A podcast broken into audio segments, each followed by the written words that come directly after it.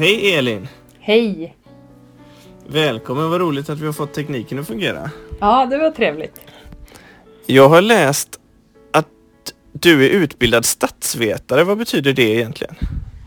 Jag har läst eh, ett fyra och ett halvt årigt program, men där mitt huvudämne till D-nivå var statsvetenskap.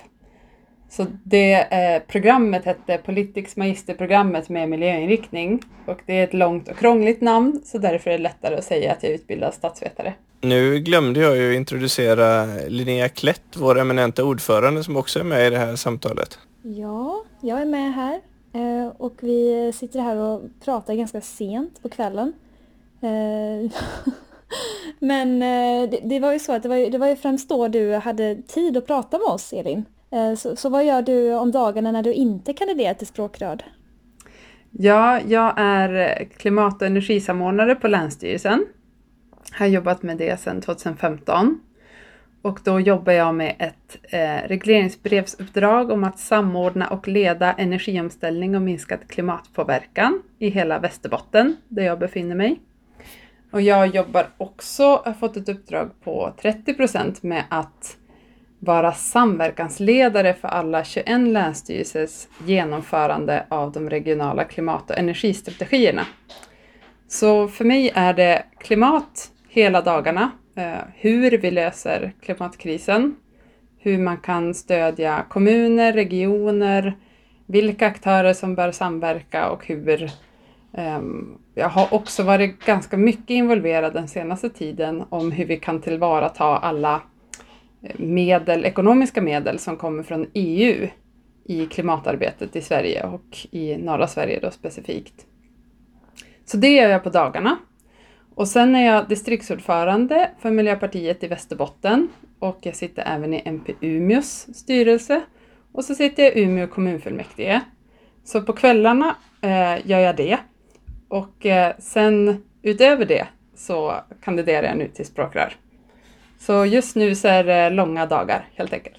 Det låter som det kommer vara det under hela hösten. Det kommer nog vara och det har det varit under en längre tid. Eh, jag kandiderade också till riksdagen 2018 och sen till EU-parlamentet.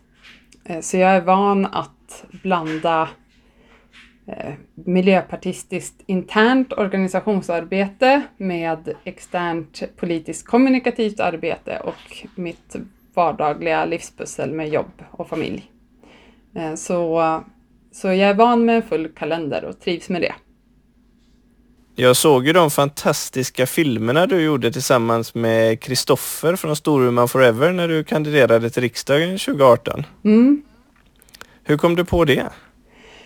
Um, jag ville dels berätta om vår politik på ett eh, jordnära sätt, alltså med ett mänskligt samtal mer än att eh, skriva debattartiklar eller dela spridbilder och andra sätt vi kan kommunicera politik på.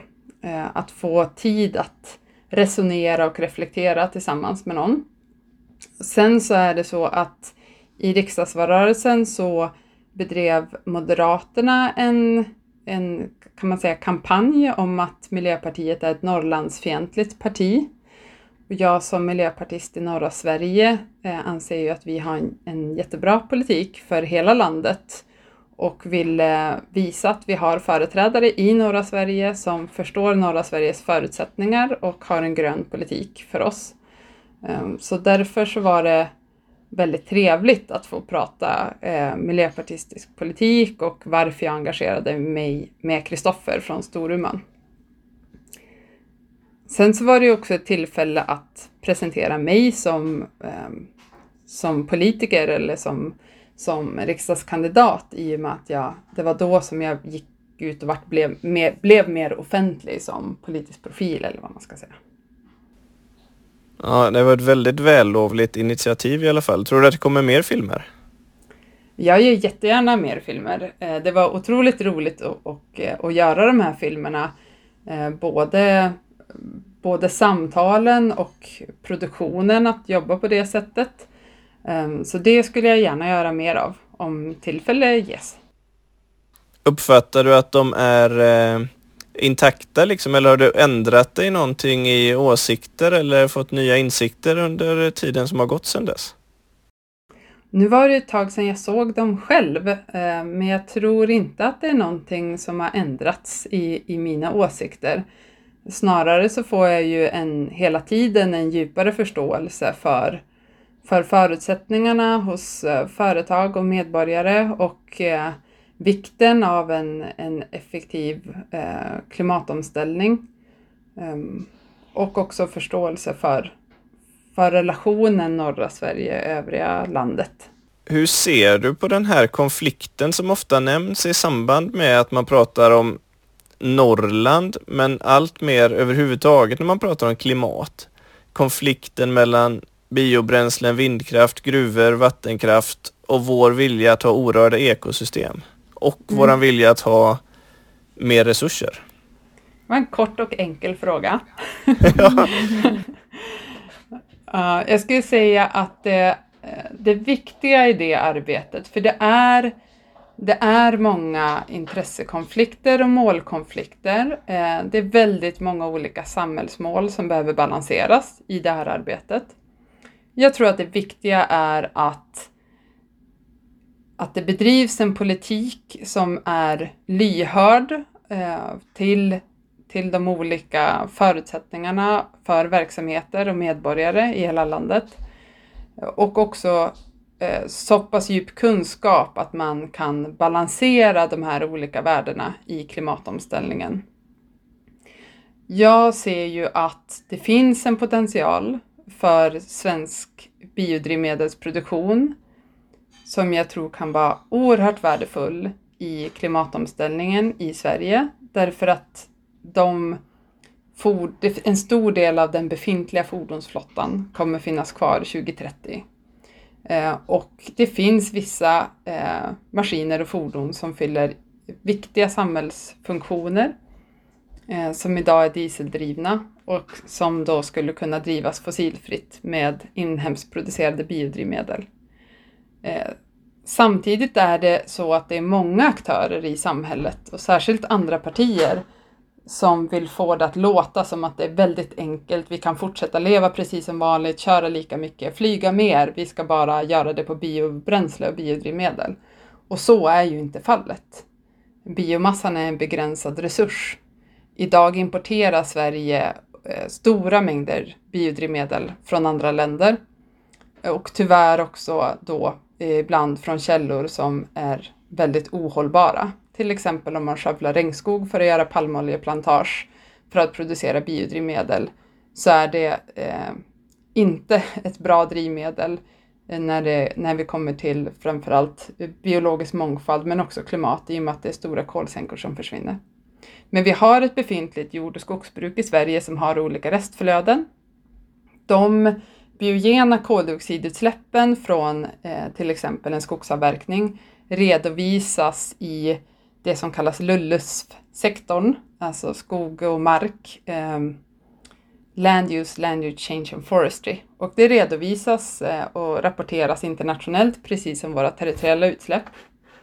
Eh, och de redovisas redan vid avverkningen, eh, oavsett sen om de blir papper eller andra mer kortlivade produkter.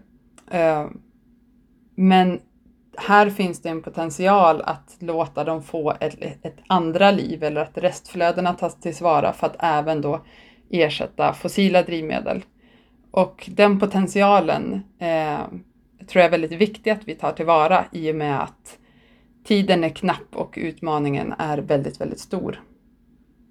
Tror du att du kan förmedla den här komplicerade modellen när det på ena sidan står en massa människor och säger vi kan fortsätta som vanligt, bara köra vidare på biodrivmedel från skogen. Och på den andra sidan står det ett annat gäng och säger vi kan inte röra skogen alls. Och så kommer du där och förklarar en långa komplicerade samband.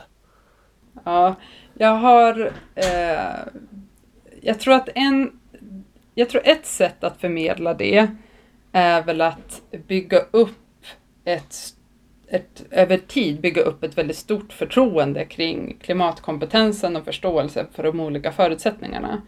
Eh, så, att, så att väljare och medborgare och båda de här lägren som du nämner då känner att det här är en, en, eh, ett parti och en person som kan balansera de här utmaningarna. Eh, men sen så har jag ju också försökt kommunicera det här i korta, mer slagfärdiga ord som att mitt perspektiv är att biodrivmedel är som en metadonbehandling för heroinister. Det är en, en eh, är liksom inte slutmålet utan men kan vara avgörande när, man ska, när vi ska vänja av samhället från fossilberoendet. Mm. Eh, hur ser du på konflikten mellan den effektiva skogsproduktionen och den hållbara skogsproduktionen? Ehm, jag tror att för det första så är det så att jag befinner mig i ett skogslän och för mig är det ju ganska naturligt att förstå att vi har liksom produktionsskog och så har vi skyddad skog och att en stor del av svensk skog är, är produktionsskog på samma sätt som när man ser ett jordbruk så ser man att det här är brukad mark. Eh, så, så har jag förståelse för att en stor del av vår skog är brukad skog. Men det är väldigt, väldigt många i Sverige som, ehm, som jag tror blir ganska eh, kanske negativt överraskade när de, när de har liksom tänkt att det här är skog som har fått stått och vara sig själv för alltid och så inser man att det här är en produktionsverksamhet.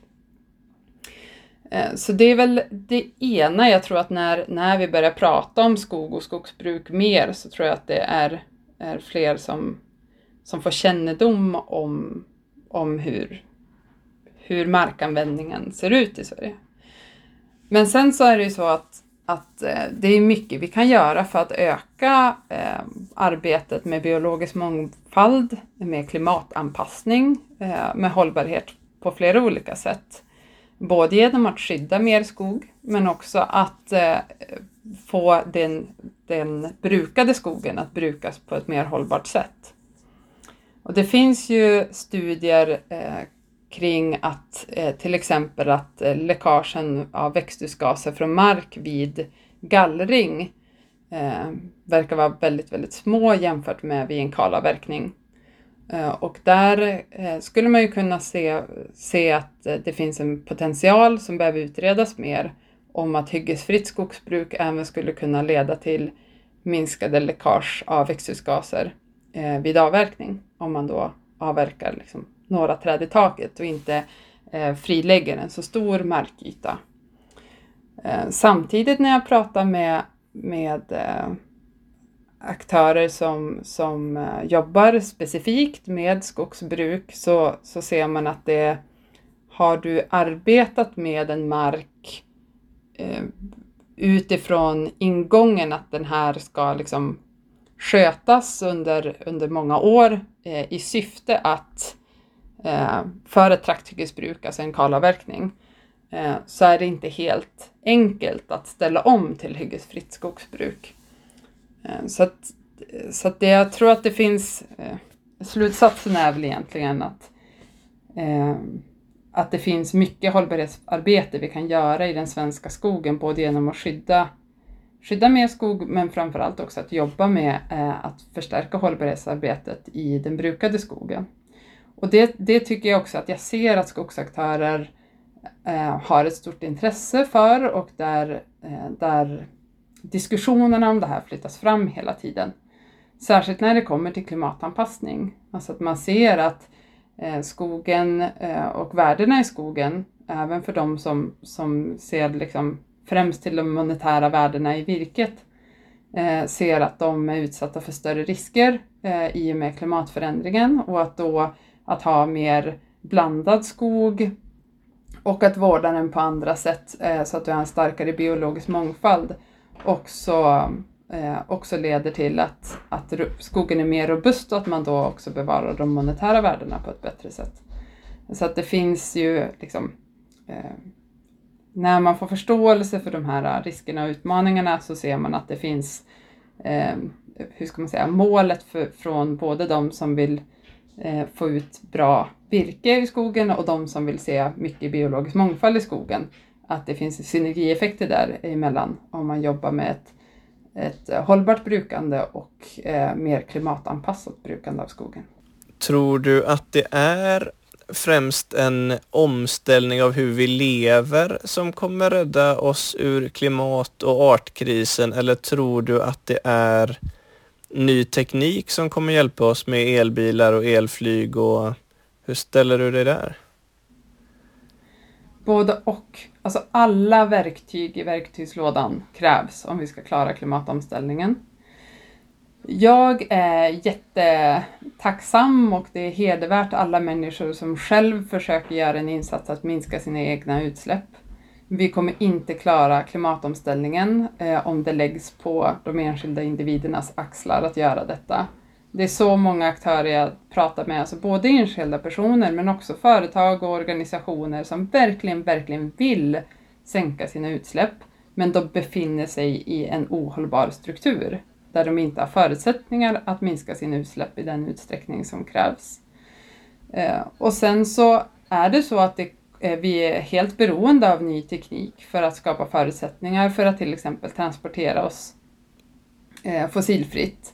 Eh, att se till att vi har 100% förnybar elproduktion och då krävs en helt annan typ av flexibilitet och, och lagring och andra typer av kapaciteter i elinfrastrukturen. Eh, så att vi är, vi är beroende av ny teknik, men vi behöver också ha förståelse för att den tekniken kommer inte tillräckligt snabbt av sig själv. Ehm, även om vi, vi nu skulle, ehm, om det skulle vara så att alla nya bilar som säljs drivs helt fossilfritt, så är inte fallet idag. Men om det, även om det skulle vara så, så kommer en stor del av fordonsflottan till exempel fortfarande vara fossildriven eller ha de förbränningsmotorer vi har idag, 2030. Och då, då, då räcker det inte. Då behöver vi även jobba jättemycket med transporteffektivt samhälle eh, och andra lösningar. Tror du att omställningen kan innebära att tillväxten avtar eller till och med backar? Jag vet inte. Min, min spontana känsla när jag tänker på klimatomställningen, det är att den kräver en himla massa jobb. En himla massa insatser. Eh, och eh, ett antal, eh, många investeringar också. Vi måste investera i, ett, i klimatomställningen och det behövs nya tjänster och verksamheter och idéer och, och kreativa lösningar. Vilket ju kan leda till ekonomisk tillväxt såklart. Um, men den kan också leda till andra typer av eh, levnadsvanor och konsumtionsmönster och rörelsemönster i samhället som leder till eh, att ekonomin påverkas eh, på ett sätt att det blir eh, mindre BNP. För min egen del så är liksom mitt fokus är ju att vi ska ha hög livskvalitet inom planetens gränser. Ekonomin är ett medel i det arbetet och ekonomin måste hålla sig, eller samhället måste hålla sig inom de planetära gränserna samtidigt som vi säkerställer att, att människors mänskliga behov uppfylls och upprätthålls. Ehm, det, jag tror att det är viktigt att fokusera på den omställningen, så får tiden utvisa hur ekonomin påverkas av det, helt enkelt. Jag ser inga, jag ser mycket, sen ser jag ju mycket, mycket större risker för ekonomisk instabilitet som kan skada samhället på många, många olika sätt om vi inte hanterar klimatkrisen. Så, så även om man ser till vad, om fokus är en sund, stabil ekonomi, hur man nu definierar det, eh, men oavsett hur man definierar det, så, så kommer jag till slutsatsen att eh, det viktiga fokuset är att hejda klimatkrisen. Vi, vi pratade lite om elbilar och sådär, men vad är dina tankar om flyget och de oceangående fartygen som, som vi ser är svåra att elektrifiera? Mm. Ja, och fartygen tycker jag att det har pratats minst om. Ehm, men båda är ju väldigt svåra. Eh, när det gäller flyget så eh, det är väl återigen att man behöver liksom tala klarspråk om att det finns inte biomassa nog att ersätta all det fossil, fossila drivmedel som används i alla världens flygplan. Det, det, är, inte, det är inte en liksom, tillgänglig lösning. Eh, däremot så ser vi att det, det utvecklas elflyg nu, mindre eh, sådana, men som kan komma redan här under eh, 2020-talet. Eh, som till exempel kan lösa eh, regionalflyg. Ehm, eh, och jag tror att det finns en del eh, ehm, ja men återigen här då att det kan finnas liksom samhällsviktiga flygplan som man kanske kan ha tillvarata den, de, de förutsättningar vi har för att producera en del biojet utifrån hållbara råvaror. Ehm, men det vi behöver jobba främst med är ju att eh, öka attraktiviteten till andra typer av färdsätt. Eh, att, jag tycker att man ska kunna drömma liksom om eh, semestrar med familjen och upptäcka världen men att det man ser framför sig när man tänker den, drömmer om det, tror jag kommer vara någonting annat än vad man ser framför sig, såg framför sig på 1990-talet eller här för 5-10 år sedan. Ehm, att, att drömresan inte är flyga fram och tillbaka till Thailand utan att eh, semestra kanske mer i upptäcka alla fantastiska kulturer i Europa och upptäcka att själva resan blir en del av upplevelsen. Ehm, den typen av, eh, Eh, av semestrar och resor eh, behöver vi öka attraktiviteten för.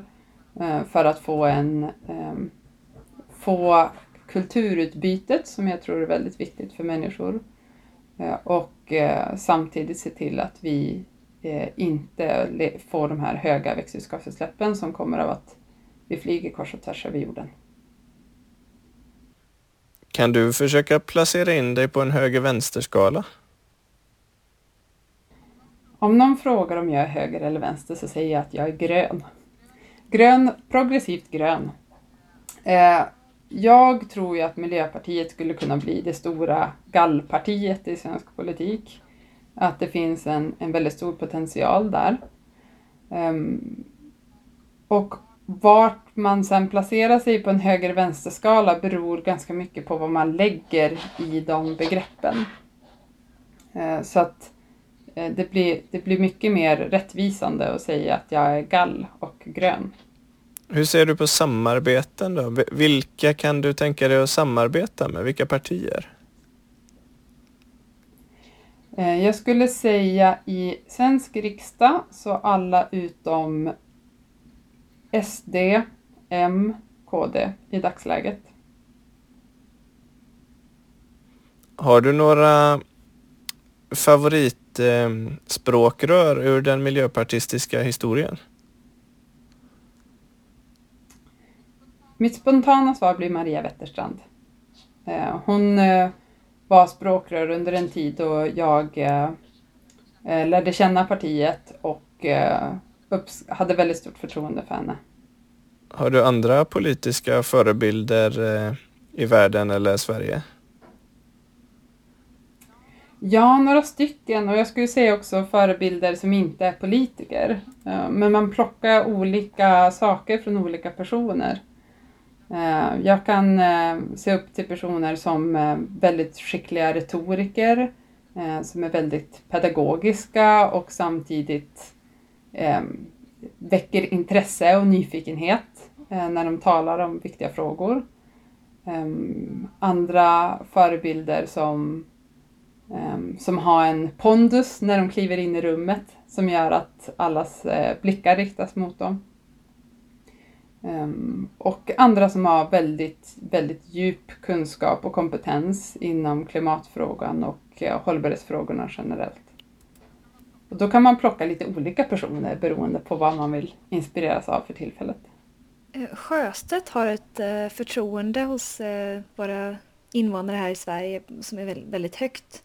Eh, hur ska du göra för att få ett så bra förtroende? Ja, nummer ett har jag ju redan check på. Jag är från samma stad, Umeå, så det... Ehm, jag tror att det handlar om att, eh, att kunna kommunicera vår politik på ett lyhört sätt. Ehm, alltså att, att förklara vår politik eh, med en förståelse för medborgarnas och verksamhetens förutsättningar. Eh, och jag tror att jag har förmåga att göra det eh, utifrån den erfarenhet jag har att, att prata med väldigt många aktörer om klimatfrågan. Ehm, jag har suttit ner och vridit event med skogsforskare och LRF och in, stor industri och småindustri och med invånare i glesbygd och i storstäder och allt däremellan. Eh, så att ehm, så, så min förhoppning är att det verkligen är någonting som jag kan bidra med till partiet. Att, att beskriva grön politik eh, på ett sätt som eh, som, som har förståelse för allas olika förutsättningar i Sverige. Tror du att Miljöpartiet kan bli en stark kraft i norra Sverige? Ja, det tror jag. Vi har ju några av våra starkaste gröna kommuner i norra Sverige, som Härnösand och, och Jokkmokk till exempel. Um, det tror jag. Och, jag. och jag ser ju också att just nu så har vi en otrolig drivkraft i näringslivet i norra Sverige. Eh, vi har Northvolt-etableringen i Skellefteå, batterifabriken.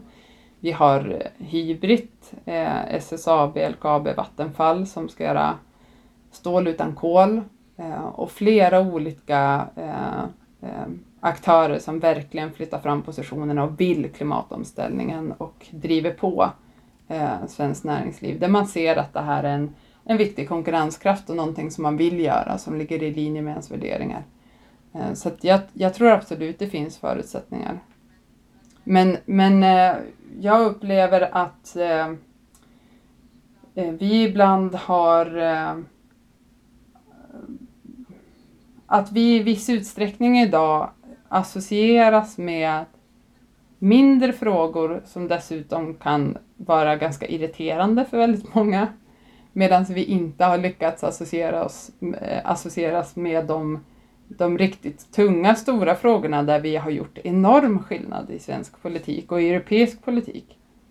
Eh, till exempel så, eh, så tycker jag ju att varenda eh, person borde känna till The Swedish Proposal och hur Miljöpartiet har sett till att Eh, att minska tillgången till utsläppsrätter i hela EU, vilket kraftigt minskar utsläppen av växthusgaser. Och att vi drivit igenom sådana insatser som har lett till att, eh, till att SSAB nu satsar på att göra stål utan kol till exempel. Eh, det, det, vi är verkligen skillnad när vi sitter i regeringen. Verkligen skillnad. Eh, och eh, det behöver vi visa upp, bli bättre på att visa upp och kommunicera. Det gör väldigt stor skillnad. Eh, men vad tror du övertygar människor bäst? Är det, är det fakta, är det logik eller är det känslor? Alltihop. Jag skulle säga fakta, logik, känslor och lust. Eh, jag, jag tror att, eh, att det som är viktigt att kombinera eh, är dels sense of urgency. Att ta klimatkrisen, krisen kring förlusten av biologisk mångfald på allvar tala klarspråk kring hur, hur allvarligt läget är, visa att vi förstår, tar till oss och kommer göra allt i vår makt att åtgärda det här. Och samtidigt visa att vi har en, en, eh, en vision om en framtid som är positiv. Vi har ju enorma mervärden eh, och eh, som vi, kan, som vi kan skapa i samhället genom att göra klimatomställningen. Eh, det handlar om att, att skapa förutsättningar för livspusslet för invånarna att bli enklare, att vi får bättre luft i våra städer, att vi får grönare och lummigare städer som är trevligare att gå och cykla i, att vi får, eh, vi får ett förstärkt jordbruk som, eh, som har bättre förutsättningar. Eh, det ska vara enklare att, att nås nå varandra, kommunikationerna både digitalt och, och resmässigt. Jag tror att det finns, finns väldigt många positiva mervärden som vi, Eh, vi behöver måla upp den här framtiden som vi, som vi drömmer om eh, och som jag tror väldigt många delar den drömmen. Eh, och den kombinationen, den attraktiva positiva visionen i kombination med eh, allvaret om att det här är någonting som vi måste göra för att skapa en framtid att längta till. Nu blev det så sent att vi var tvungna att avbryta intervjun och byta både dag och plattform så att om ljudet är lite annorlunda nu så eh, får lyssnarna stå ut med det. Men vi undrar, hur ska vi göra för att få fler av våra befintliga medlemmar att bli aktiva i politikutvecklingen? Mm, jättebra fråga. Eh, jag tror att alltså, när man blir medlem så är det just för att man vill engagera sig i de politiska frågorna, diskutera politik och göra skillnad. Eh, men som ett litet parti så tror jag att det är många som känner att man eh, får lägga ganska mycket tid på föreningsarbete. Jobba med stadgar och, och annat mer föreningstekniskt. Eh, så att jag tror en, en viktig sak vi kan göra är att vi från nationell nivå jobba med att vidareutveckla de interna processerna eh, och det interna stödet så att det blir så lättarbetat rent föreningsmässigt som möjligt eh, för alla medlemmar. Så att man får lägga mer tid på det politiska arbetet och där också då eh, skapa mer plattformar för politiska samtal och politikutveckling. Jag tycker de rådslagen om social rättvisa som vi har haft nu senast har varit väldigt bra. Och jag tror att vi kan göra liknande processer och vidareutveckla den typen av processer inom fler politikområden eh, för att inkludera många medlemmar i, i politikutvecklingen i partiet. Och hur gör vi då för att locka fler att faktiskt bli medlemmar i vårt parti? Ja, vi ska ju kommunicera vår politik och synas och höras mycket mer. Jag tror att eh, när man ser vad vi gör och vad vi brinner för, när vi verkligen syns och hörs om det vi är mest engagerade för, för klimatomställningen, för social rättvisa, att vi måste stoppa förlusten av biologisk mångfald, att vi är redo att axla ansvaret att verkligen göra den klimatomställning som samhället behöver och ha förståelse för medborgarnas eh, förutsättningar, de, där man befinner sig här och nu, samtidigt som man oroar sig för de här stora frågorna. Då tror jag vi kan fånga eh, mycket större engagemang och fler som också ser att man vill vara med och bidra i den gröna rörelsen. Kan vi stärka relationen mellan Miljöpartiet i riksdag och regering och den breda gröna miljörörelsen på något sätt? Ja, det tror jag att vi kan. Eh, vi har ju många goda relationer eh, och eh, de, vi kan stärka dem och vi kan bredda, eh, bredda samtalen. Eh, en sak vi har pratat om i partiet och som jag vet att några har gjort i distrikt och lokalavdelningar det är ju att bjuda in med olika organisationer i politikutvecklingsarbetet. Att nu att man är, kanske håller på att utveckla en fråga lokalpolitiskt och då Eh, bjuder in eh, andra aktörer att ha en dialog om vad tycker ni om den här politiken och hur kan vi göra den ännu lite vassare när det gäller sak, enskilda sakfrågor.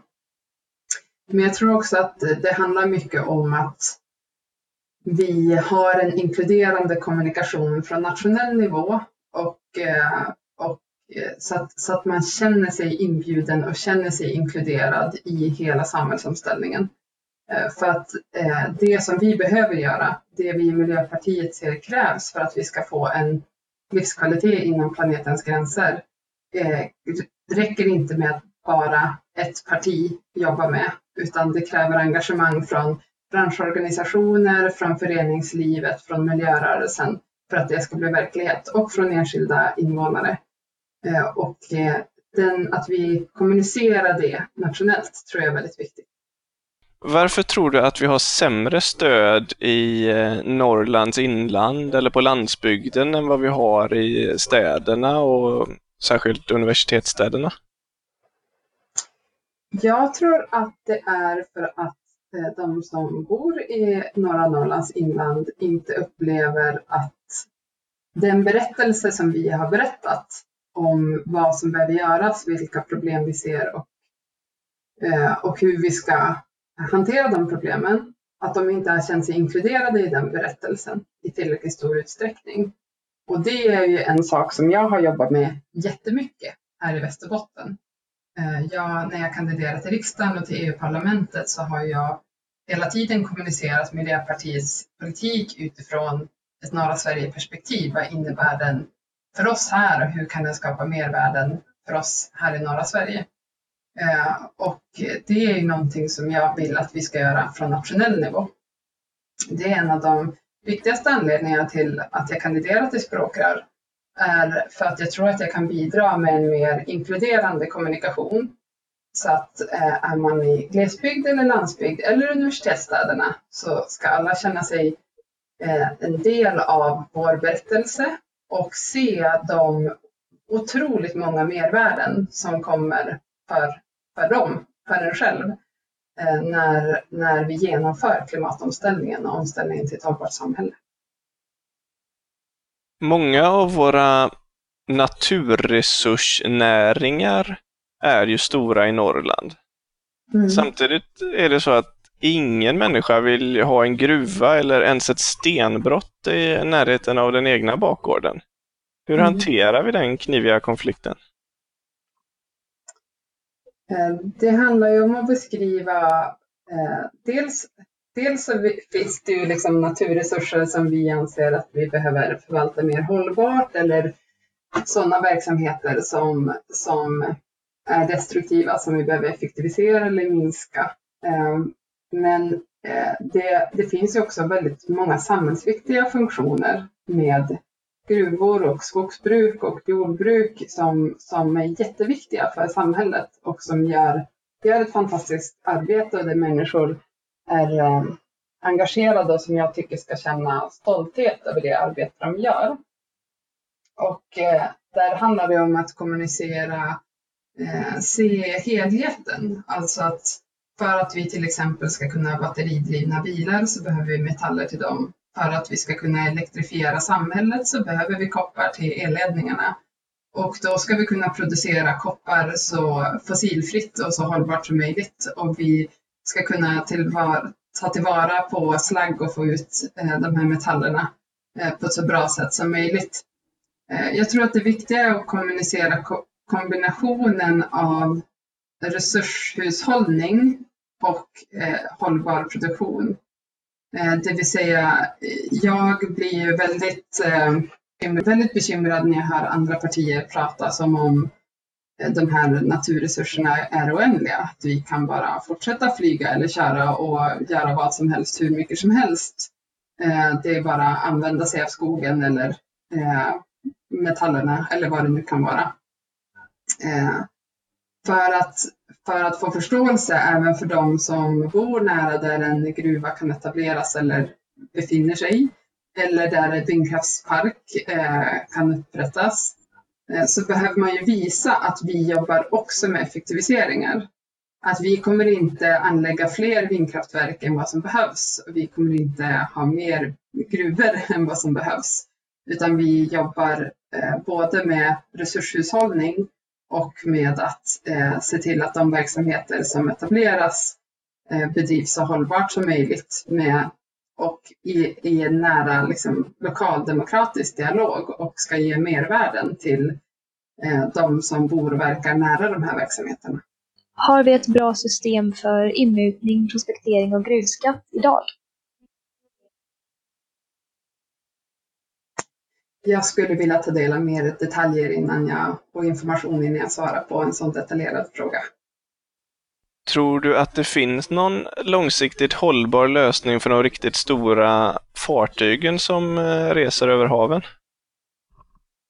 Det finns lösningar på sikt, eh, men jag tror att något som vi talar väldigt lite om är olika farkosters livslängd. Och det behöver vi ta i beaktande Eh, när vi ska göra klimatomställningen. En personbil i Sverige idag har ungefär en livslängd på 17-18 år. Eh, flygplan har jag för mig har närmare 30 års livslängd och fartyg uppemot 50 år. Så att även att det, det kommer ny teknik nu, det körs stora fartyg på el, eh, det kommer vätgasteknik eller annan hybridteknik av olika slag. Men innan hela fartygsflottan har bytts ut till fossilfrihet så är det jättelång tid kvar. Och eh, vi måste ha en förståelse för att omställningen av den flottan tar längre tid än omställningen av till exempel personbilsflottan. Och, och då så förändras ju förutsättningarna kring vilka transportslag eh, som kan bli fossilfria snabba eller snabbt eller så hur ska man säga, utsläppseffektiv per ton de fraktar och så vidare. Eh, så, så det måste man ha i beaktande när man, när man funderar på eh, utvecklingen av godstransporter och, och andra transporter eh, inom ramen för att vi ska klara Parisavtalet. Hur ser du på kärnkraften som har ganska låga koldioxidutsläpp och som vi ändå vill avveckla? Mm. Ja, alltså kärnkraften är ju eh, en inte förnybar och eh, har väldigt stora negativa miljö och hälsoeffekter. Eh, det finns ingen liksom, långsiktig lösning för slutförvaring i dagsläget på ett önskvärt sätt. Eh, så att eh, vi ska undvika kärnkraft eh, och i Sverige har vi jättegoda förutsättningar till att ha en 100% förnybar elproduktion. Eh, det är framtagna, jobbas i dagsläget med planer för hur vi ska se till att vi har en, en inhemsk elproduktion som täcker upp när kärnkraften avvecklas av ålder, så som den är på väg att göra. Eh, och, Eh, och det ska vi ju genomföra, se till att vi har en 100% förnybar elproduktion i Sverige. Vi exporterar ju i dagsläget el och det finns potential för energieffektiviseringar eh, och det finns också potential för ökad förnybar elproduktion i Sverige. Eh, jag tycker att de stora utmaningarna i Sverige egentligen inte handlar, alltså om man ser nu fram till 2040 där målet om 100% förnybar el är satt, handlar egentligen inte om elproduktion. Det ser jag som, som absolut möjligt att lösa det som är nytt är ju att jobba med flexibilitetslösningar, eh, el, energilagring och också att eh, jobba med att utveckla näten. För att idag så har vi eh, lokala effektbrister och det beror också på, på flexibilitet, eh, lokal produktion och, och elläg, eh, lagring eh, och den typen av frågor är det som kommer mycket starkare nu. Och där behöver vi politikutveckling och policy, nya, ny politik på plats eh, så att den här verksamheten kan utvecklas på ett bra sätt. Eh, sen när man ser globalt sett så är det ju så att eh, just när det gäller elproduktionsfrågan så är ju det någonting som, ja men till exempel inom EU så är det varje eget land som beslutar om vilken elproduktion det är man satsar på.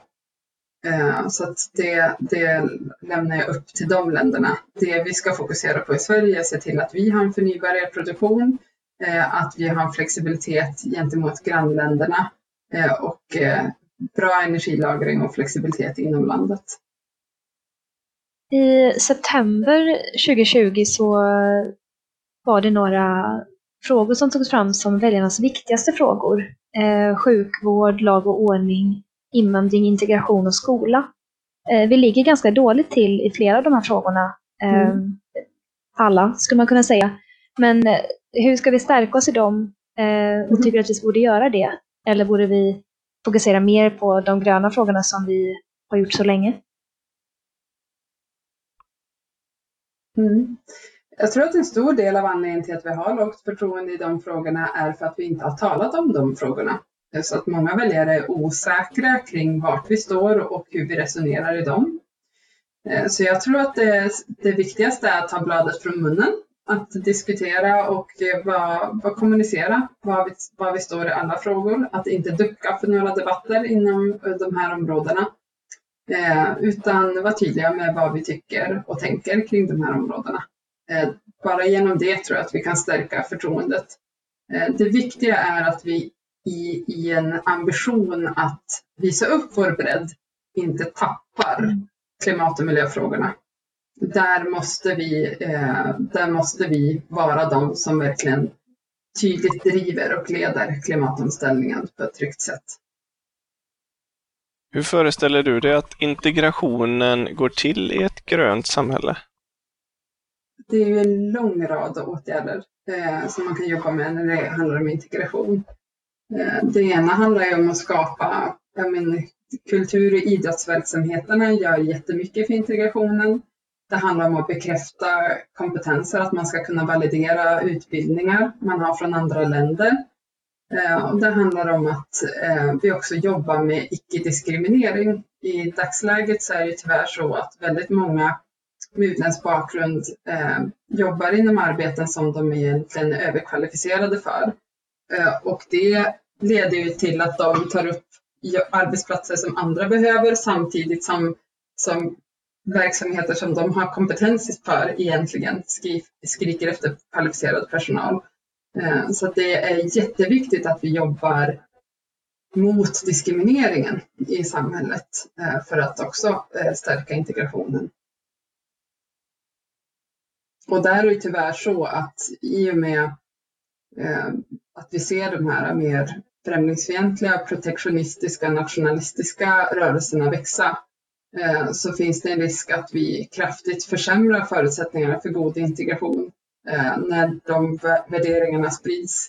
Eh, och där är vi gröna oerhört viktiga som motståndskraft som står upp för alla människors lika värde, att man ska se till människans egna handlingar och kompetenser. Jätte, jätteviktigt att vi slår vakt om det. 20 procent av landets unga går ur nian utan gymnasiebehörighet. Mm. Hur ska vi göra för att vända den trenden? Ja, det är återigen ett, en stor fråga eh, som behöver eh, flera insatser. Eh, men jag, ser, eh, jag anser att eh, segregationen i skolan som den ser ut idag har blivit alldeles för stor. Eh, att det ska inte, Ehm, alla ska ha rätt till, till samma förutsättningar till utbildning i hela landet. Ehm, och där behöver vi göra insatser. Ehm, och, och sen handlar det om stödet i samhället i övrigt också. Det är många som kanske har, eh, skulle ha behov av eh, diagnoser som, som får vänta väldigt länge på att få det och få det stöd de då egentligen borde ha rätt till och då hinner de gå ut gymnasiet till exempel. Eh, så att det, det är många insatser som behövs. Men gymnasieutbildningen är jätteviktig. Eh, det vi ser idag i statistiken att, eh, att ja, man, man drabbas negativt på en lång rad aspekter eh, när man inte har, har fullfört gymnasiekompetensen. Hur ser du på skolval och friskolor? Jag är positiv till att det ska finnas en möjlighet för, för kooperativa skolor och skolor med olika inriktningar och den typen av mångfald. Eh, om man vill ha en annan typ av, av eh, Eh, upplägg på schemat till exempel. Eh, men som det ser ut i dagsläget med den privatisering eh, och att vinster tas ut i skolan och att det leder till skolsegregation som, som jag bedömer är väldigt destruktiv. Det tycker jag inte är bra. Det här måste vi se över och åtgärda. Vad svarar du om Stefan Löfven ringer och frågar om du vill bli minister? Ja, tack gärna. Om det är klimat och miljöministerposten det gäller i alla fall, då tror jag att han kan få ett snabbt svar. Ser du någon konflikt mellan att ha båda språkrören i regering? Nej, jag, jag har förståelse för att den här diskussionen har uppstått i partiet eh, utifrån att eh, särskilt förra mandatperioden när vi satt eh, vår första mandatperiod i regering Eh, så upplevde många väljare men också många medlemmar att det var otydligt vad just vi i Miljöpartiet tycker i relation till vad regeringen tycker. Eh, och att, att språkrören eh, inte upplevdes lika när, närvarande i, i partiet. Och att, att då idén om att ja, men skulle vi kunna lösa det här genom att ha ett språkrör utanför uppstod har jag förståelse för. Jag tror dock inte att det är en god lösning. Eh, jag tror att det skulle riskera att vi ytterligare splittrar partiet, eh, blir ännu mer otydliga för väljarna. Om vi har ett språkrör i regering och ett utanför som ska försöka kommunicera vad vi står och tycker på ett balanserat sätt, eh, så tror jag att det skulle kunna, kunna upplevas oerhört otydligt och att vi skulle kunna tappa jättemycket, väldigt mycket stöd på det helt enkelt. Och jag tror att det skulle kunna bli ytterligare slitningar internt. Så det jag istället vill göra, det är ju att, att vi har språkrören inne, så att säga. Men, eh, men att vi som språk, om jag nu blir vald, att vi som språkrör men också eh, många andra företrädare eh, för partiet hjälps åt att eh, verkligen kommunicera partiets politik, Eh, vad vi, där vi skiljer oss eh, jämfört med regeringssamarbeten eller januariavtalet. Och det tycker jag att vi har blivit bättre på den, den senaste mandatperioden där vi har till exempel haft riksdagsledamöter som har varit ute och, och väldigt tydligt kommunicerat Miljöpartiets linje. Eh, och även på sociala medier tycker jag flera av våra eh, statsråd har varit eh, eh, väldigt närvarande och, och, och, liknande. Så det, det är någonting som jag vill vidareutveckla. Eh, för att, för att hantera, hur ska man säga, roten eh, till det som har, har lett till diskussionen om att ha ett utanför. Men om du då blir språkrör och eh, kanske också minister, kommer du ha tid att fortsätta läsa och diskutera på Engagera och andra plattformar med medlemmarna? Mm. Jag tror det, det gäller ju då att välja den typen av plattformar och kommunikationsvägar som är tidseffektiva och att verkligen prioritera det. Och det skulle jag vilja göra. Om det blir att eh, läsa och skriva på Engagera eller på andra sätt kan jag inte avgöra, eh, svara på direkt nu. Eh, mm. Jag tror att just skriva i trådar brukar kunna vara en, en ganska tidskrävande aktivitet. Ehm, men att att vara eh, närvarande och tillgänglig, tydlig i kommunikationen eh, och eh, vara delaktig, till exempel delta digitalt på möten eh, och sådana saker ser jag absolut eh, att det ska finnas utrymme att prioritera. Det är jätte, jätteviktigt att vi har ett politiskt ledarskap både i regering men också inom partiet. Eh, och det vill jag bidra med. Vem är du när du inte arbetar? Bra fråga. Just den senaste tiden har jag ju hängett mig väldigt mycket till mitt arbete. Ehm, det, det jag brinner absolut mest för, det är ju att göra, göra allt det, det jag tror att jag kan göra mest klimatnytta och mest nytta för ett hållbart samhälle. Ehm, så just nu är jag väldigt mycket det tror jag. Ehm, men också en eh, familjemedlem och en god vän och sånt som vi alla är. Har du något spännande engagemang i eh, föreningslivet eller hobbys eller eh, något? Mm, jag skulle nog snarare säga att jag har haft eh, jag är musiker i grunden kan man säga. Jag har, sjung, har sjungit mycket, spelat cello väldigt mycket. Men eh, de senaste åren har jag en, liksom jobbat heltid för ett hållbart samhälle och ägnat alla kvällar och helger för mitt politiska engagemang. Så då har musiken fått stått åt sidan. Men det finns lite, lite saker på Spotify och sånt som, eh, som har kommit till stånd under årens lopp. Vad spännande, det får vi lyssna på. Hur, hur laddar du upp då? Eller när laddar du upp? Min egen energi? Ja. Eh, jag väldigt mycket lyssna på musik. Eh, är en, en viktig källa för eh, energi för mig. Jag lyssnar väldigt mycket på musik. Vad lyssnar du på för slags musik? Allt möjligt. Eh, min kompis öppnade min sån här release-radar på Spotify och bara skrattade på, för att det var så blandat.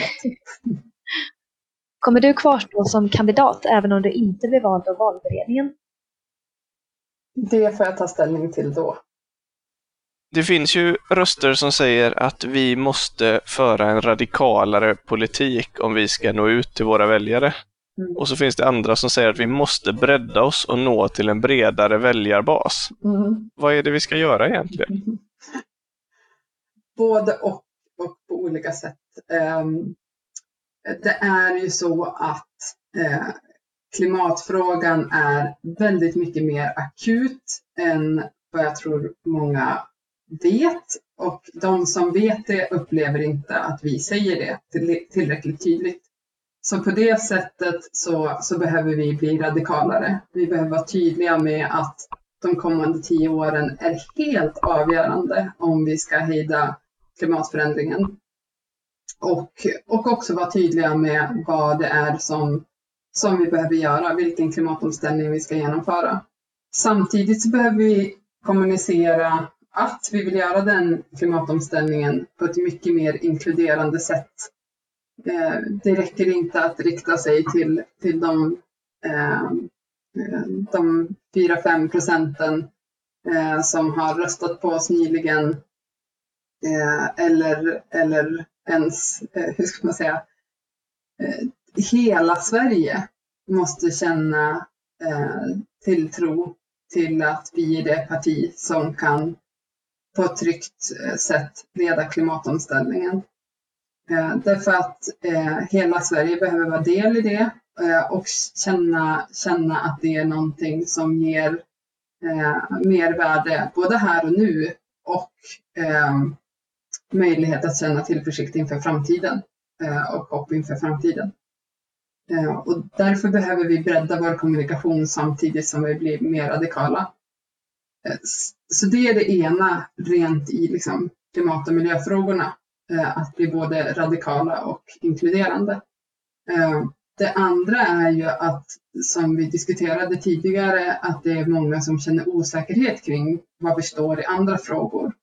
Och, och där kan man ju se att vi, att vi börjar vara mer kommunikativa och tydliga med var vi står när det gäller eh, fördelningspolitik eller skola eller integration och så vidare. Eh, kommer successivt eh, bygga upp den tryggheten och därmed också bredden rent i vilka, vilka politikområden som vi, vi är ute i. Vad kan du göra för att bryta polariseringen i samhället och bygga upp ett starkare förtroende för politik som verktyg och för politiker i allmänhet, även utanför våra egna väljare? Mm. I den politiska debatten så blir det ibland eh, ett fokus på konflikter för att få synlighet där det kanske inte alla gånger krävs. Eh, det finns tydliga politiska konflikter och de ska vi synliggöra och kommunicera och lyfta fram varför, varför vår lösning är bättre. Eh, men eh, min ambition är ju att leda hela landet och då behöver ju Eh, kommunikationen. Jag vill kommunicera på ett sätt så att även de som röstar på, ehm, på helt andra partier ska kunna känna att, att jag kommunicerar även till dem och har förståelse för deras förutsättningar och varför kanske de har kommit fram till en annan slutsats nu för att öppna en dörr för dem att komma fram till vår slutsats senare. Och att ha den ambitionen att att eh, rikta sig till att inte liksom alienera människor eller alienera andra partiers väljare eh, tycker jag är jätte, jätteviktigt. Eh, därför jag tror att det blir väldigt destruktivt om, eh, om, man, om den politiska debatten förs på ett sådant sätt att det leder till att ja men de som röstar på det där partiet, de är ju så, och de som röstar på det partiet är ju så, så att det blir liksom konflikter även i samhället eller hos väljarna, eller att man liksom konst, konstgjort skapar liksom grupperingar som man sätter epitet på. Jag tror det, vi är alla, vi är alla människor och vi har, kan, kan liksom bestämma oss och ombestämma oss, eh, ändra uppfattning och få nya perspektiv. Och, och det vill jag ha, ska ligga till grund i, i den politiska kommunikationen. Ehm, för att, för att se till att vi inte skapar slitningar och splittringar i samhället. Du sa att vi som parti borde positionera oss mer radikalt rent eh, klimatpolitiskt. Mm. Så vad är din eh, personliga inställning till lite mer radikala och potentiellt gröna frågor som kanske sänkt arbetstid, basinkomst, fredspolitik eller kanske tillväxtkritik? Mm.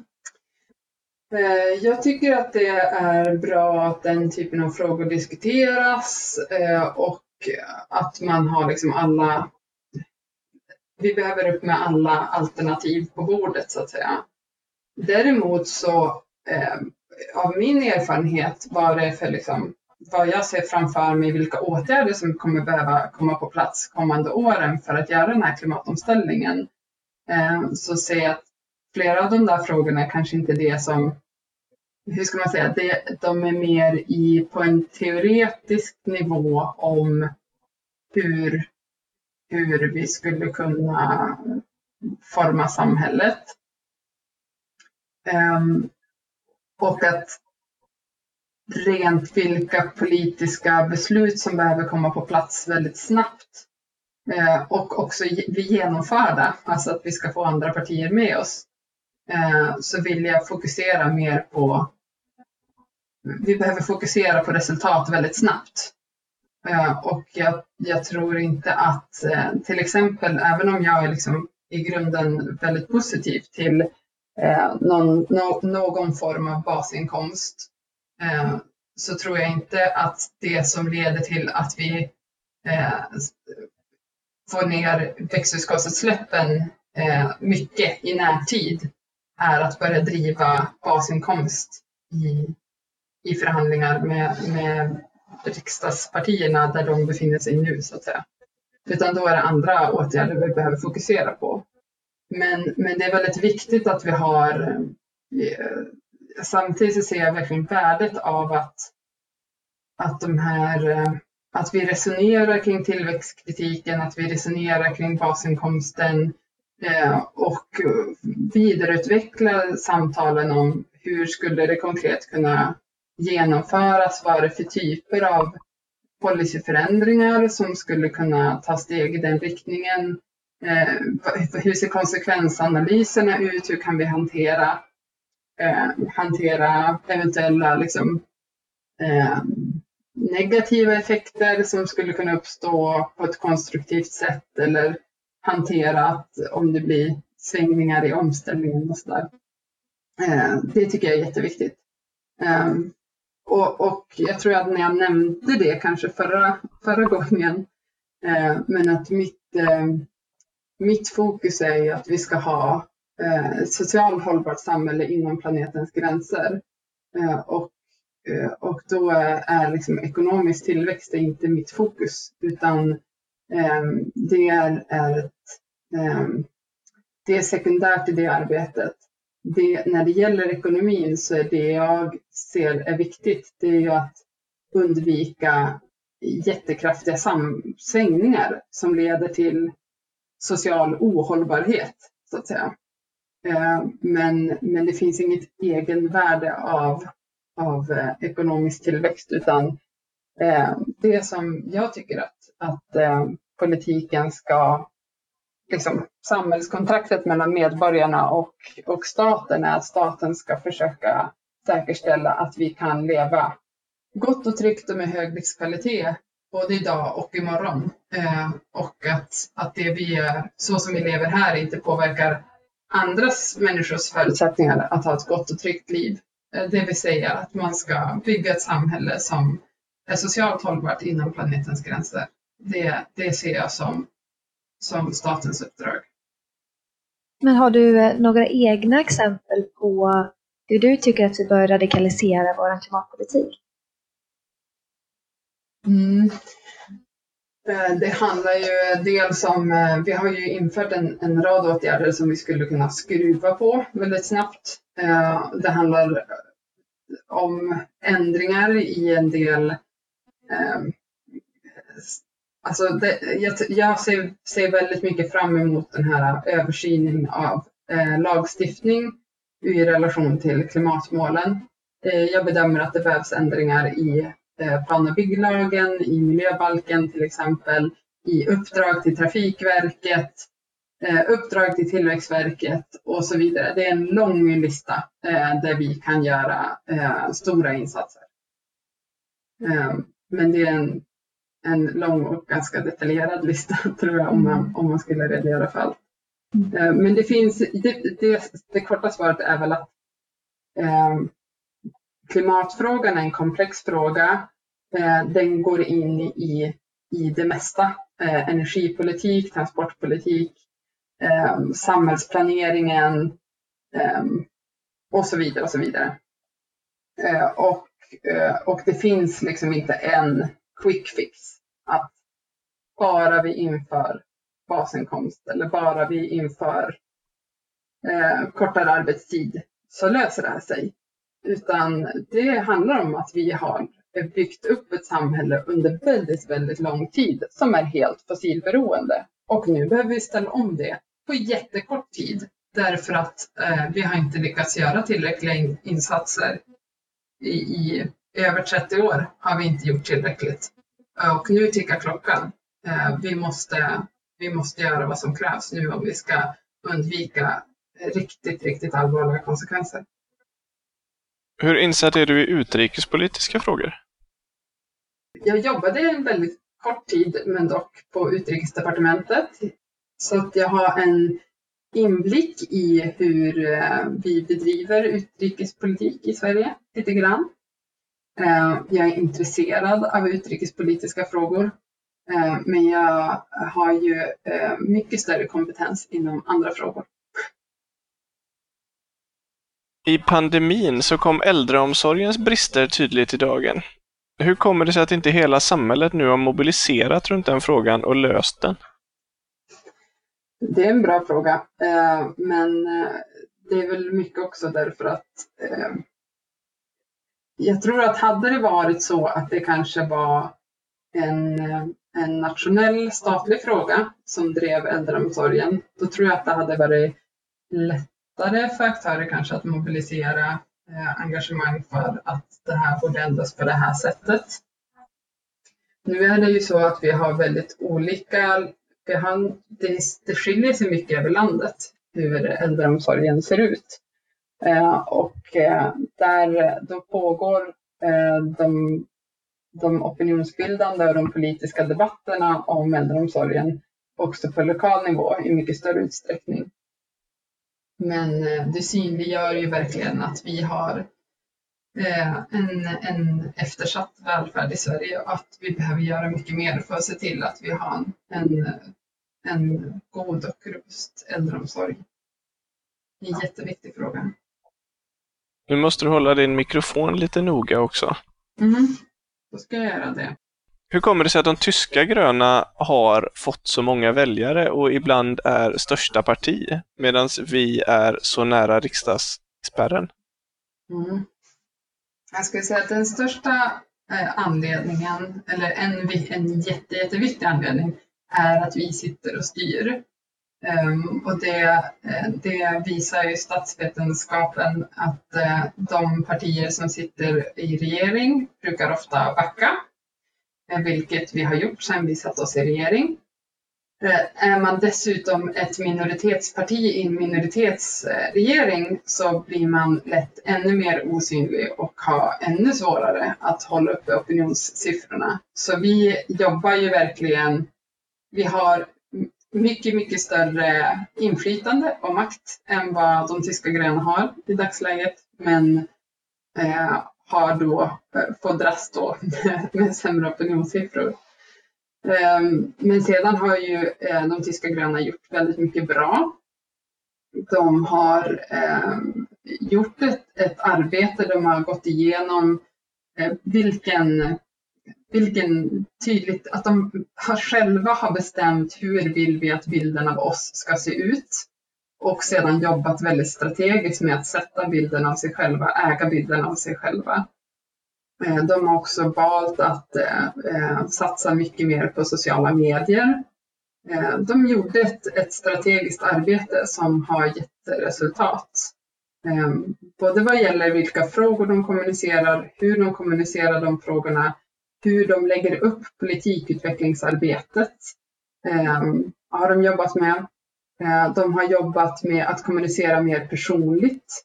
Eh, företrädare som lyfter fram budskap om att jag vill ha den här framtiden, jag tycker att det här är viktigt.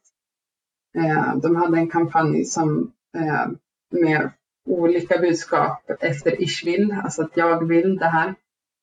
Och som, de, som de själva bedömer som, som väldigt framgångsrikt. Eh, så det finns mycket vi kan lära och ta till oss av de tyska gröna, men vi måste också ha förståelse för att vi har eh, olika förutsättningar, eh, både i form av att de de partier vi konkurrerar med är andra och har andra budskap än de partier de tyska gröna konkurrerar med. Och också att vi faktiskt bär regeringsmakten och tar ansvar för att leda landet i en svår tid. Och det ger också helt andra förutsättningar. Låt säga att vi låter oss inspireras av de tyska gröna. Mm. Var kommer Miljöpartiet då vara om 5-10 år? Eh, jag tror att vi är väldigt mycket tryggare i oss själva eh, med, med bilden av oss själva. Eh, och inte bara att vi då som medlemmar och aktiva i partiet är det, utan att det också har lett till att väljarna är mycket trygga med vilka vi är. Ska vi sätta oss i regering en gång till om vi har ungefär lika många väljare?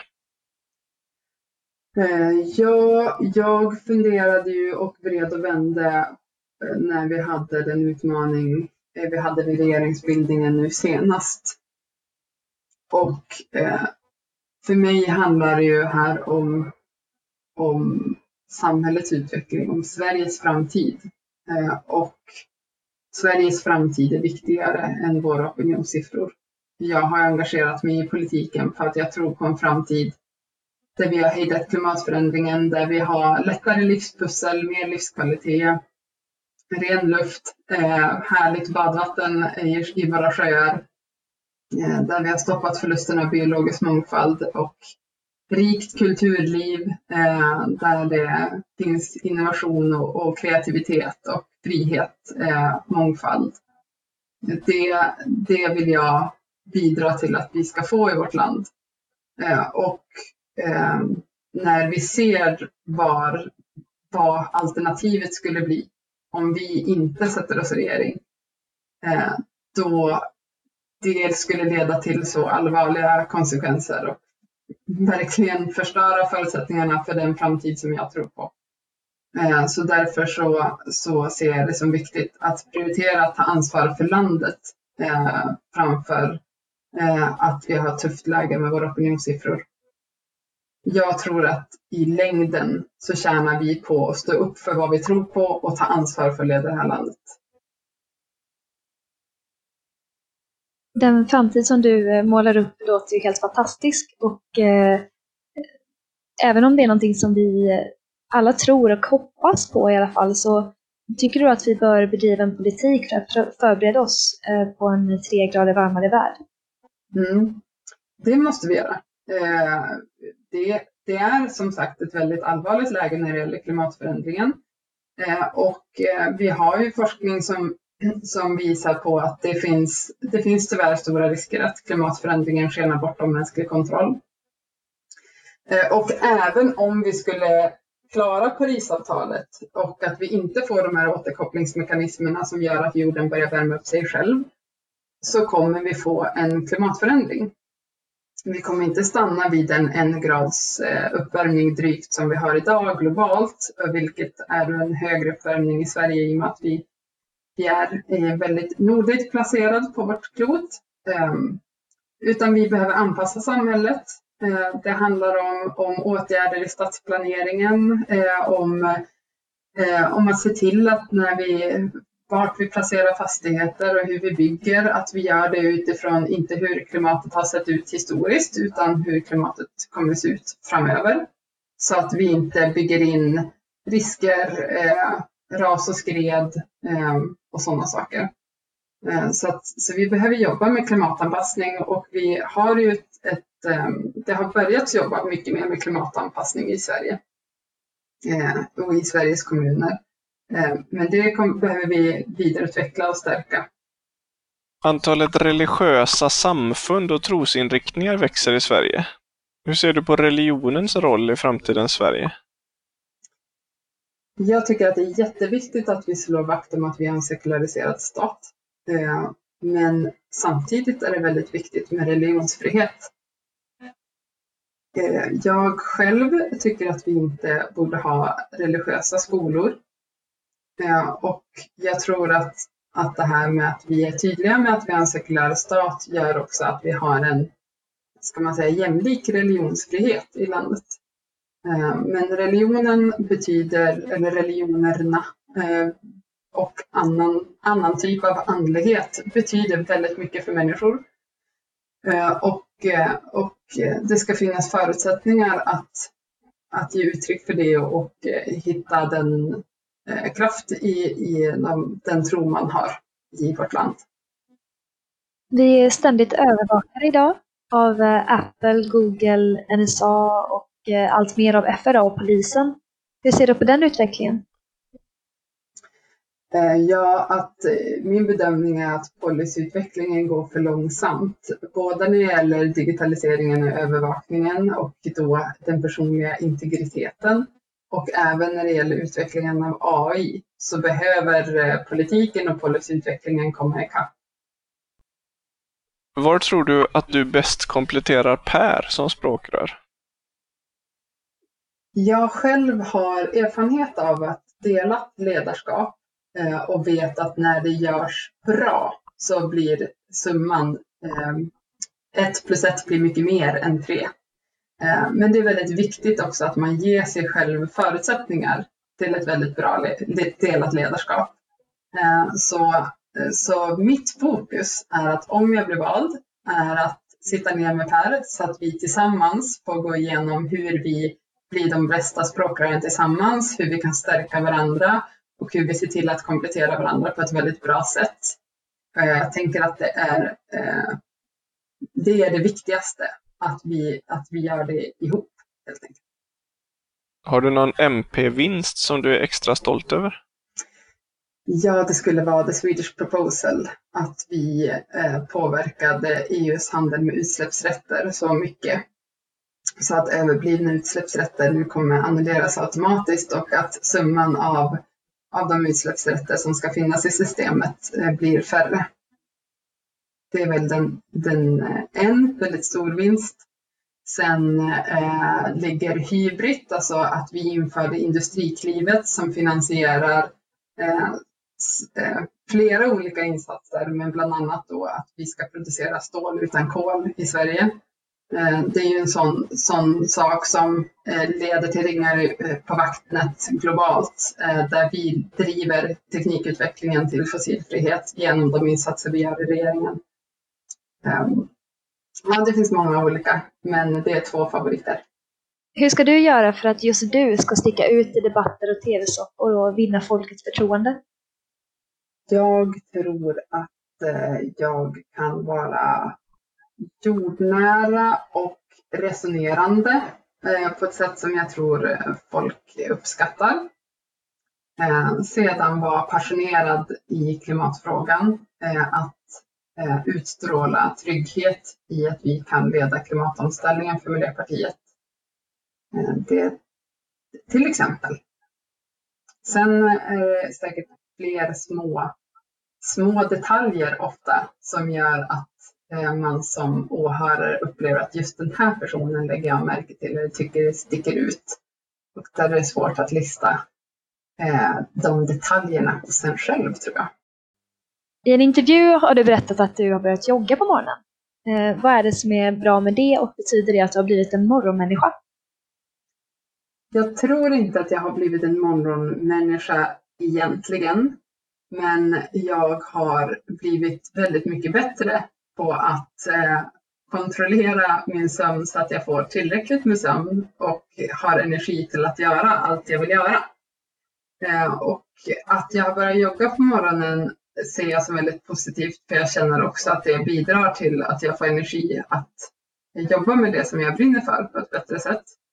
Ehm, motion eh, har jag har jag alltid mått bra av, men jag har aldrig varit en, ska man säga, sportintresserad eller eh, hållit på med idrott. Ehm, så för mig har det varit eh, någonting som jag har tänkt att tänk om man kunde vara sådär att man tog sig ut på morgonen och har, ha gjort bort en träning. Det vore ju fantastiskt bra.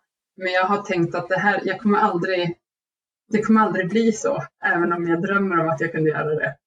Ehm, men nu senaste tiden så har jag eh, gått upp tidigt på morgnarna och joggat eh, och eh, det har också gett mycket energi. Eh, så då, det känner jag mig väldigt nöjd över och tänkte att det kunde vara en sån, vad säger man, TMI, personlig information jag kunde dela med mig av. Ehm, så, och jag tror att varför jag lyfter det här med att man kan överraska sig själv med att man förändrar sina vanor eller gör någonting annorlunda. Eh, det är någonting som jag ser positivt på. Att ingenting är statiskt och att människor inte är statiska.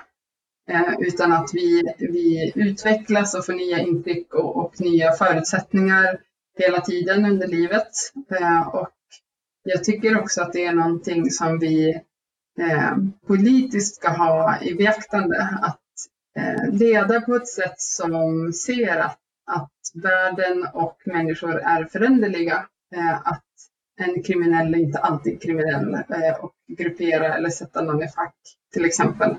Eh, jag, jag blir djupt bekymrad när jag upplever att andra partier talar som, om att människor som är i en viss livssituation just nu alltid kommer vara det. Eh, utan att, eh, att se till att vi människor hela tiden kan utvecklas och eh, och det, det ser jag som någonting väldigt positivt.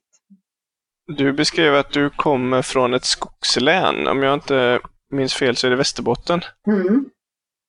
Hur resonerar du kring vargfrågan?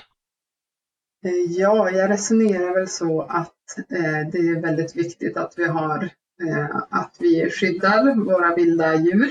Eh, men jag har också förståelse för de eh, personer som till exempel får en hundskadad eller liknande, eh, att det är en sorg.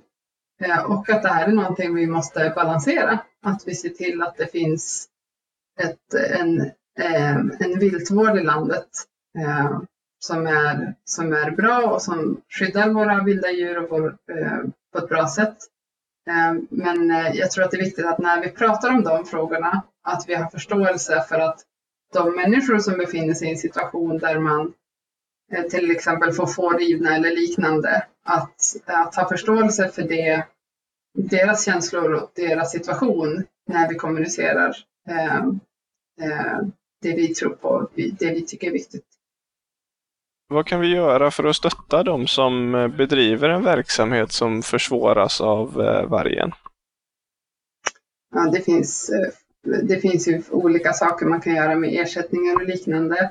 Eh, idag ligger det på myndigheterna att göra och jag upplever att det eh, i stora drag görs på ett, ett bra balanserat sätt. Eh, och eh, för att gå in på djupare detaljer så skulle jag vilja ta del av mer beslutsunderlag helt enkelt. Hur kommer det sig att du inte dök upp på den där tjusiga bilden som Expressen publicerade på alla andra kandidater?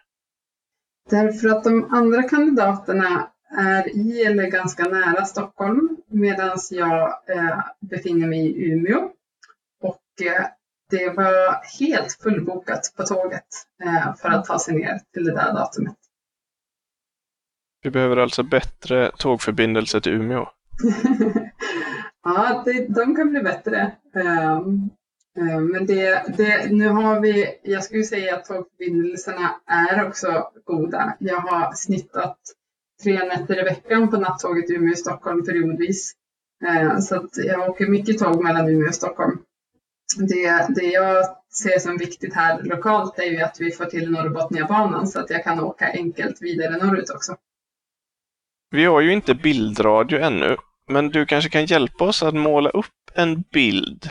Om du ska träffa en journalist som ska göra ett längre personporträtt av dig, Mm. Var träffas ni då och vad gör ni och hur ser det ut och vilket intryck vill du förmedla till läsarna? Mm, jag skulle nog... Det beror på vilka frågor vi ska diskutera. Men om det är personporträtt så skulle vi kunna ses eh, egentligen i stad, i park eh, eller på industri. Ehm, eller i skog. Eh, ofta så brukar jag hitta någon komboplats så att det är lite stadsmiljö och lite naturmiljö. Ehm, för att få in den här balansen. Hade du en följdfråga också om vad vi skulle prata om? Nej, det var mer om intrycket. Vad är det du vill mm. förmedla för känsla till läsaren? Mm. Jag vill förmedla eh, lugn, stabilitet, eh, kunnighet, Eh, att jag är resultatinriktad, eh, samarbetsorienterad, eh, inkluderande, att jag har blicken mot horisonten, alltså verkligen ser att vi behöver genomföra en samhällsomställning och är redo att verkligen kavla upp ärmarna och jobba för det samtidigt som jag har fötterna stadigt på jorden. Hur tror du att världen och Sverige kommer se ut om tio år? Jag upplever att vi just nu befinner oss i, i, en, i ett vägskäl i väldigt stor utsträckning. Eh, att det har blivit mer polariserat eh, i relation till eh, oss mer eh, som brinner för en grön framtid och eh, progressiva som, som verkligen vill se mångfald, utbyte av tankar och idéer eh, och samverka globalt och, mellan olika aktörer. Ehm, och mer främlingsfientliga, protektionistiska, nationalistiska rörelser.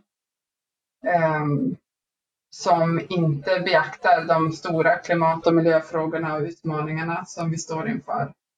Ehm, så att hur det går, eh, Eh, jag hoppas ju verkligen att vi om tio år eh, kommer känna att vi är väldigt nära att klara Parisavtalet eh, och att vi har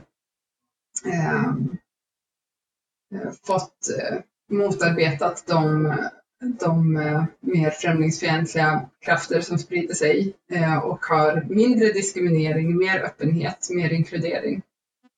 Men vart vi faktiskt kommer landa i, det, det får framtiden utvisa. Jag vet vad jag kommer kämpa för.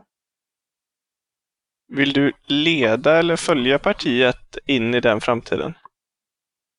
Jag skulle väldigt gärna leda partiet in i, i den framtiden och kämpa Eh, med all kraft jag har för att vi får en grön, progressiv, eh, kreativ, innovativ eh, framtid att längta till. Har du några läskiga lik i garderoben som du vill dela med dig av? Jag har vridit och vänt på den, men jag har faktiskt inte hittat några. Eller kommit på några. Det finns ju partiledare som har bra förtroende och det finns partiledare som har sämre förtroende. Mm. Men vi som parti har ju legat väldigt lågt ner på de listorna ganska länge. Mm. Eh, hur ska vi göra för att bygga upp förtroende som sträcker sig utanför våra egna väljare? Mm. Eh, jag tror att, och det, det, är väl därför också jag ser det som viktigt att sätta mig i eh, mentalt redan nu i att jag ser språkrörsuppdraget som ett uppdrag att gå in för att leda Sverige inte bara leda Miljöpartiet. Eh, därför att jag tror att om man mentalt går in i uppdraget som att jag vill leda hela landet så kommer vi också kommunicera och förhålla oss på ett sätt som gör att man kan bygga förtroende i hela landet och inte bara i, hos Miljöpartiet så att säga. Hur lång tid tror du det tar innan du blir statsminister? Ja, det är upp till eh, ombuden till att börja med. Ja, vi får ju börja där. Du får börja mm. där. En sak i sänder. Det enda jag vet är att jag oavsett eh, i, inom vilka forum eller vilka kanaler det blir så vet jag att det jag brinner för är att stoppa klimatkrisen och bygga ett hållbart samhälle. Så jag kommer fortsätta försöka eh, placera mig där jag tror att jag kan göra mest nytta för en hållbar framtid. Tror du att det vore bra om språkrören normalt kandiderade i par? Jag tror att det finns både för och nackdelar. Eh, det är på ett sätt en, en fördel att det finns liksom en kontinuitet när man växelbyter så som det har blivit de senaste gångerna. Eh, och också att man kan eh, ta, liksom, ta rygg på varandra eller man kan välja det nya lite utifrån det andra och sådana där saker. Eh, men det är också eh, fördelar med att, att båda bereds eh, gemensamt så att säga av valberedningen. Så jag tror att det är för och nackdelar med båda. Har du några tips på poddar eller Youtubers som vi bör följa? Jag har ju lyssnat på mycket på eh, Lilla Drevet och Det politiska spelet och nu Ola Söderholms nya Stormens öga heter den va? Det är några som jag gillar. Jag kom på det, de poddar jag faktiskt lyssnar på mest nu, eh, det är, eh, eh, vad heter det, Europapodden och USA-podden och Kina-podden. Jag tycker de här P1-poddarna eh, är jätte, jättebra. Och jag tycker att jag är väldigt glad över Europapodden och Kina-podden. För, eh, för jag tycker att rapporteringen från de här väldigt, väldigt viktiga områdena eh, annars är väldigt, vi, vi, vi får väldigt lite information, väldigt lite nyheter om vad som händer i Europa och vad som händer i Asien. Eh, så de, eh, de, tycker jag, de vill jag tipsa om. De tycker jag är bra.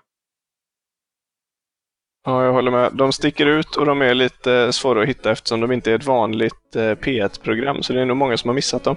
Mm, men de är väldigt bra. Mm, så de ska vi tipsa om. Mm, väldigt bra. Då får väl vi säga tack så mycket för att du ville vara med. Tack så jättemycket för att jag fick vara med.